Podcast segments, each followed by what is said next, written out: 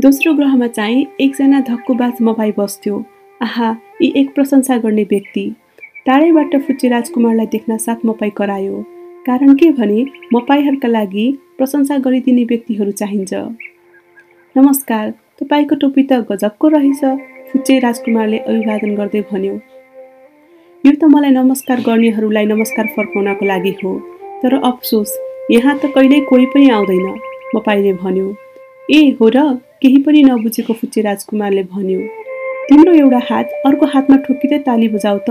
म पहिले उसलाई सल्लाह दियो फुच्चे राजकुमारले ताली बजायो। मपाईले बडो फुर्तीका साथ आफ्नो टोपी उठाएर उसलाई अभिवादन गर्यो। राजा कहाँ भन्दा त यहाँ पो रमाइलो रहेछ फुच्चे राजकुमारले मनमनै विचार गर्यो। उसले फेरि थपडी बजाउन सुरु गर्यो। मपाईले पनि टोपी उचाल्दै नमस्कार गर्न थाल्यो। पाँच मिनटपछि यो थपडी बजाउने खेलबाट फुचे राजकुमारलाई दिक्क लाग्यो। त्यो टोपी खसाल्नलाई के गर्नुपर्छ नि? फुचे राजकुमारले सोध्यो। तर मपाईले उसको कुरा सुनेन। मपाईहरू आफ्नो तारिफ बाहेक अरू केही पनि सुन्दैनन्। होइन तिमी साँच्चीकै मेरो धेरै प्रशंसा गर्छौ। फुचे राजकुमारले भन्यो प्रशंसा गर्नु भनेको के हो? तिमीले मेरो प्रशंसा गरेको किन हो भने म यो ग्रहको सबभन्दा राम्रो लुगा लगाएको र सबभन्दा धनी र बुद्धिमान मान्छे हुँ। फुचे राजकुमारले भन्यो तर तिमी र तिम्रो ग्रहमा तिमी एक्लै छौ नि? जे भए पनि मेरो प्रशंसा गरिदेऊ न मेरो इच्छा पुऱ्याइदेऊ न। म तिम्रो प्रशंसा गर्छु।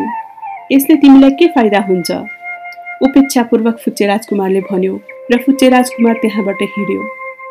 आफ्नो यात्राभरि यी ठुलो मान्छेहरू साँच्चीकै अनौठा हुँदो रहेछन् भन्ने कुरा उसले सोचिरह्यो। त्यसपछिको एउटा ग्रहमा जडया बस्थ्यो। त्यो ग्रहको यात्रा निकै छोटो थियो। त्यसले फुच्चे राजकुमारलाई खिन्न पार्यो। तिमी त्यहाँ के गर्दैछौ? फुच्चे राजकुमारले जडयालाई भन्यो। जो चुपचाप एक रास रित्तो सिसी र एक रास भरी सिसी लिएर बसेको थियो। म पिउँदैछु। जडियाले दुखित भावमा जवाफ दियो। तिमी किन पिउँछौ? बिर्सिनका लागि। के बिर्सिनका लागि?